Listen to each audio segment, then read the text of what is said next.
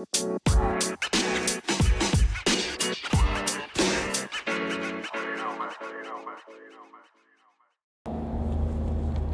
Hoppers, gimana kabarnya? Semoga kalian semua sehat-sehat selalu. Thank you for tuning in in my podcast channel. Terima kasih buat teman-teman yang baru aja join.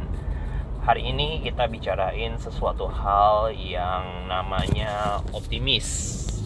Ya, kita kita tentang sesuatu yang bernama optimis.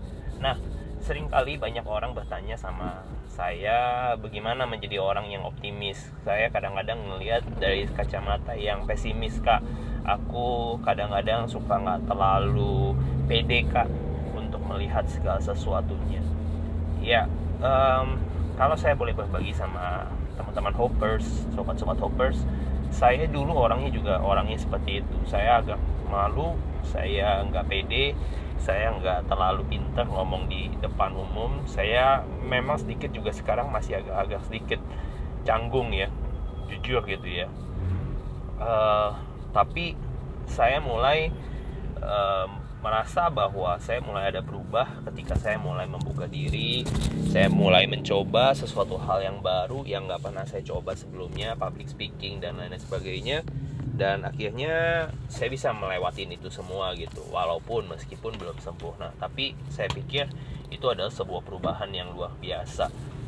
Nah uh, ber, ber, ber apa membahas lebih lanjut tentang kata optimis ini ya. Optimis ini adalah sesuatu yang boleh dikatakan sebagai positif ya. Positif thoughts dan um, segala sesuatunya dihadapi dengan uh, dengan positif juga. Respon yang positif terhadap segala sesuatu. Belum tentu uh, situasi dan kondisi yang dihadapi itu uh, positif juga. Kadang-kadang malah ada orang melihat uh, segala sesuatunya itu harus berjalan positif dulu kak baru aku bisa optimis. Ya nggak juga. Optimis itu tidak tidak harus berpadanan dengan segala situasi dan kondisi yang saat sekarang ini kita alamin. Bisa saja situasi dan kondisi yang kita alamin ini nggak uh, terlalu baik, tapi orang yang optimis akan selalu berpikir baik terhadap apa pun segala situasi dan kondisi yang dia hadapin. Nah, itu loh. Jadi perbedaannya adalah sebenarnya optimis itu bukan muncul dari sebuah keadaan, bukan dari keadaan eksternal, tetapi optimis itu e, justru muncul dari pikirannya, dari mindsetnya, dari dalam, ya. Jadi optimis itu harus di guys bawahin. Yang pertama kita harus belajar optimis itu belajar dari dalam bukan dari luar. Bukannya karena situasi keadaan pasangan hidup pacar ya diputusin atau apa gitu kita makanya optimis. Enggak. Optimis itu justru datangnya dari dalam dari pikiran dulu gitu. Nah jadi itu yang yang yang yang pertama yang yang harus di, dibenahin dulu adalah pikirannya. Nah kemudian kedua uh, bicara tentang optimis. Optimis itu uh, juga harus uh, ada dasarnya gitu. Jadi banyak orang merasa uh, saya susah untuk optimis kalau saya melihat keadaan saya. Saya susah optimis karena saya melihat keterbatasan saya dan lain-lain sebagainya. Mereka merasa mereka tidak punya modal. Mereka merasa mereka tuh kekurangan segala sesuatu. Padahal menurut saya uh, kita juga harus melihat bahwa kita sebenarnya sungguh-sungguh memiliki uh, kelebihan, kita memiliki sesuatu yang tidak dimiliki oleh orang lain. Kita diciptakan sama Tuhan itu masing-masing memang berbeda, punya kualitas yang berbeda. Tetapi jujur kalau boleh boleh dikatakan bahwa saudara pasti punya keunikan yang tidak dimiliki oleh orang lain. Setuju nggak? Ya, apa yang saudara miliki mungkin itu menjadi uh, kekuatan saudara yang saudara mungkin tidak sadarin atau saudara sadarin tapi anggap saudara anggap biasa gitu. Nah, itu yang penting bahwa optimis itu uh, sebenarnya uh, bukan soal modalnya, sebenarnya dari mindset sih ya awalnya. Nah, tapi kita harus mengerti bahwa optimis itu butuh dasar, butuh sebuah uh, apa ya pijakan fundamental. Nah, saya mendasari gini, orang yang optimis adalah orang yang memasukkan segala sesuatu yang positif di dalam pikirannya. Ya, nggak mungkin orang itu bisa optimis tanpa ada sesuatu yang kita masukkan ke dalam pikiran. Karena jujur uh, kita setiap hari akan mengalami battle of mind. Kita akan memerang, uh, menga mengalami yang namanya peperangan di dalam alam pikiran kita.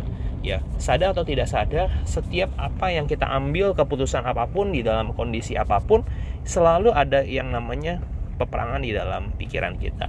Nah, di situ kita harus mengerti bahwa kita perlu modal, kita perlu memasukkan sesuatu di dalam pikiran kita.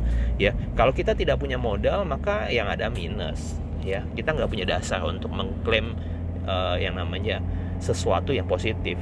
Nah, nah orang banyak yang di luar sana memasukkan bacaan bacaan-bacaan positif. Mereka banyak membaca buku, mereka banyak mendengar kata-kata motivasi. Itu muka itu bukannya sesuatu yang tidak baik. Menurut saya itu ada sesuatu yang baik. Mereka masukkan ke dalam alam bawah sadar mereka, mereka masukkan dalam pikiran mereka. Dan kita sebagai orang percaya, saya pun juga merasa bahwa saya banyak membaca uh, beberapa hal yang dikatakan dari literatur-literatur orang di luar itu saya baca juga gitu ya motivator-motivator sebagai seperti uh, Andre Wongso ya kemudian ada yang dari uh, financial freedomnya si Tung Desa Muaringin dan lain sebagainya. Financial revolution. Ya, banyak sekali mereka memotivasi memotivasi kita untuk uh, hayo berani hayo berani gagal gitu isinya seperti itu. Jadi sebenarnya itu sesuatu hal yang mereka masukkan ke dalam uh, pikiran si pembaca. Nah tapi saya di sini berbagi kepada sobat hoppers bahwa sebenarnya kita sudah punya modal.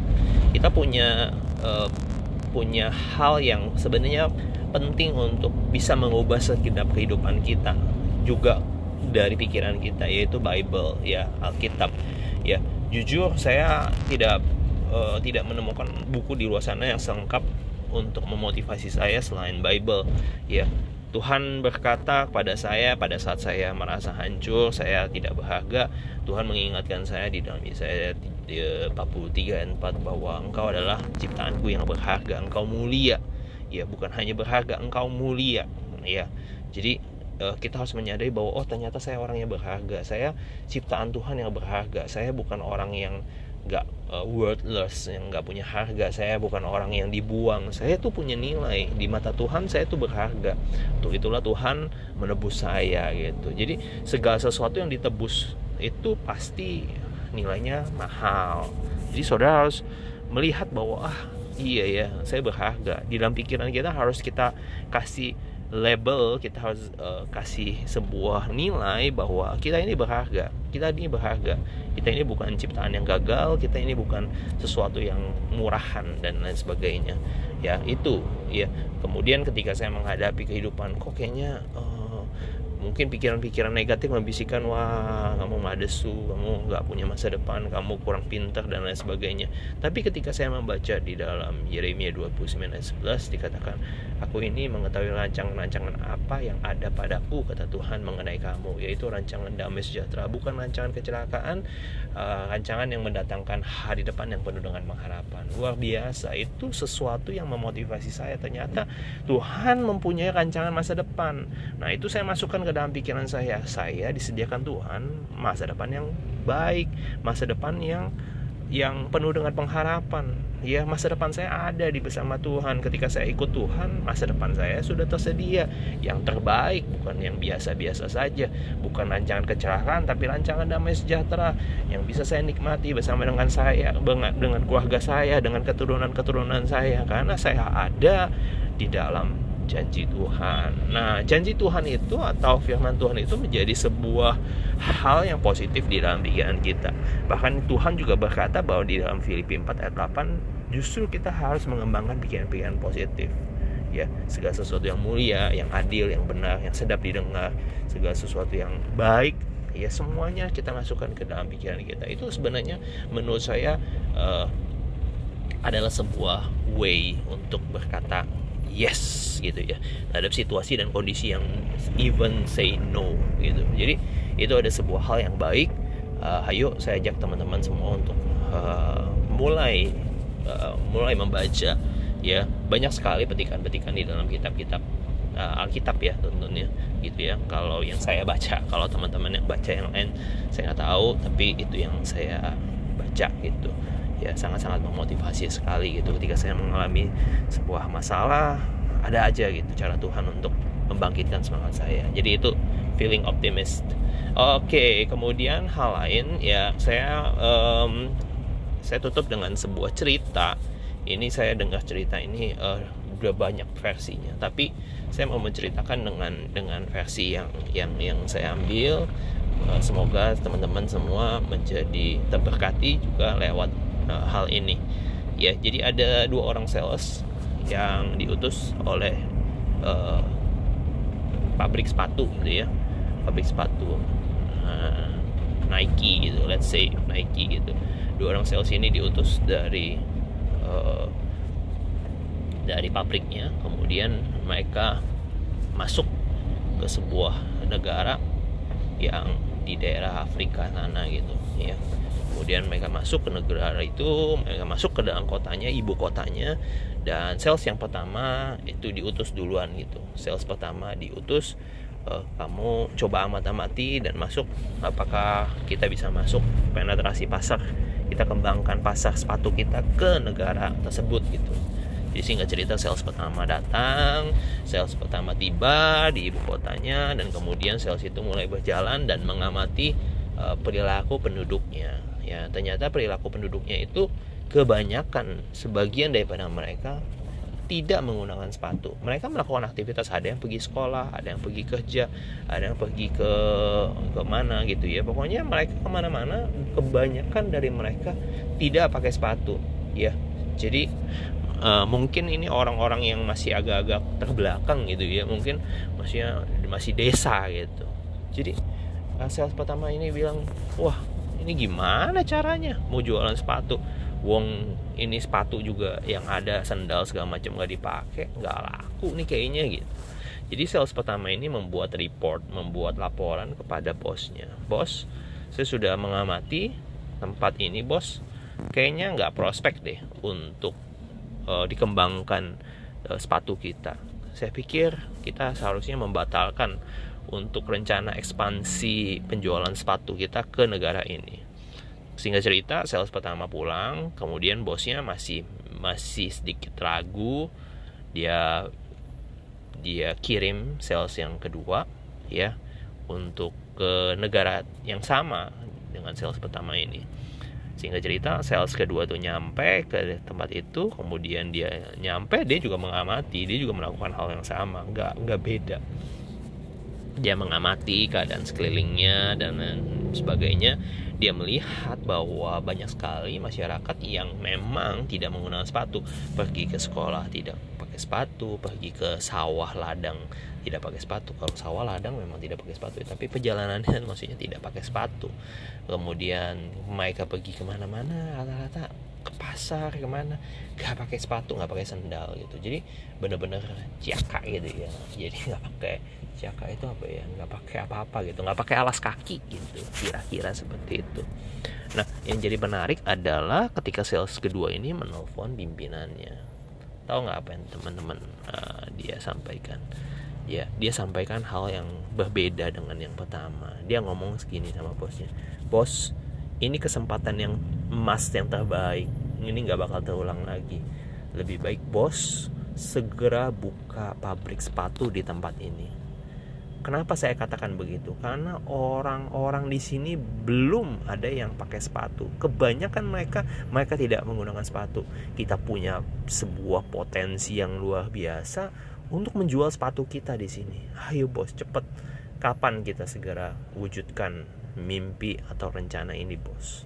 Jadi dua orang yang berbeda dengan situasi yang sama, melihat kejadian atau melihat situasi dan kondisi yang sama, persoalan yang sama bahwa orang-orang di kota tersebut tidak menggunakan sepatu dalam aktivitas mereka sehari-hari, tetapi outcome daripada pikiran mereka itu berbeda. Yang satu berpikir mereka berpikir pesimis, mana bisa orangnya kayaknya nggak berpendidikan, kayaknya kotanya keterbelakangan, kayaknya segala macam segala sesuatunya uh, apa masyarakatnya uneducated dan lain sebagainya. Tapi sales yang kedua berpikir hal yang berbeda. Justru dia melihat kesempatan di dalam masalah. Dia melihat ini pasar besar, ini potensi, ini bisa dikerjakan, ini bisa menjadi sebuah peluang usaha yang baik. Jadi uh, dari cerita ini saya benar-benar ketika merenungkan menyimpulkan sebuah kesimpulan yang sama bahwa kita bisa melihat bahwa orang-orang itu tidak tidak harus ber, berjalan optimis itu dengan seiring dengan situasi dan kondisi yang positif saja. Orang yang optimis, orang itu akan melihat sesuatu yang positif ya di setiap aspek kehidupannya sekalipun aspek kehidupan situasi dan kondisinya negatif.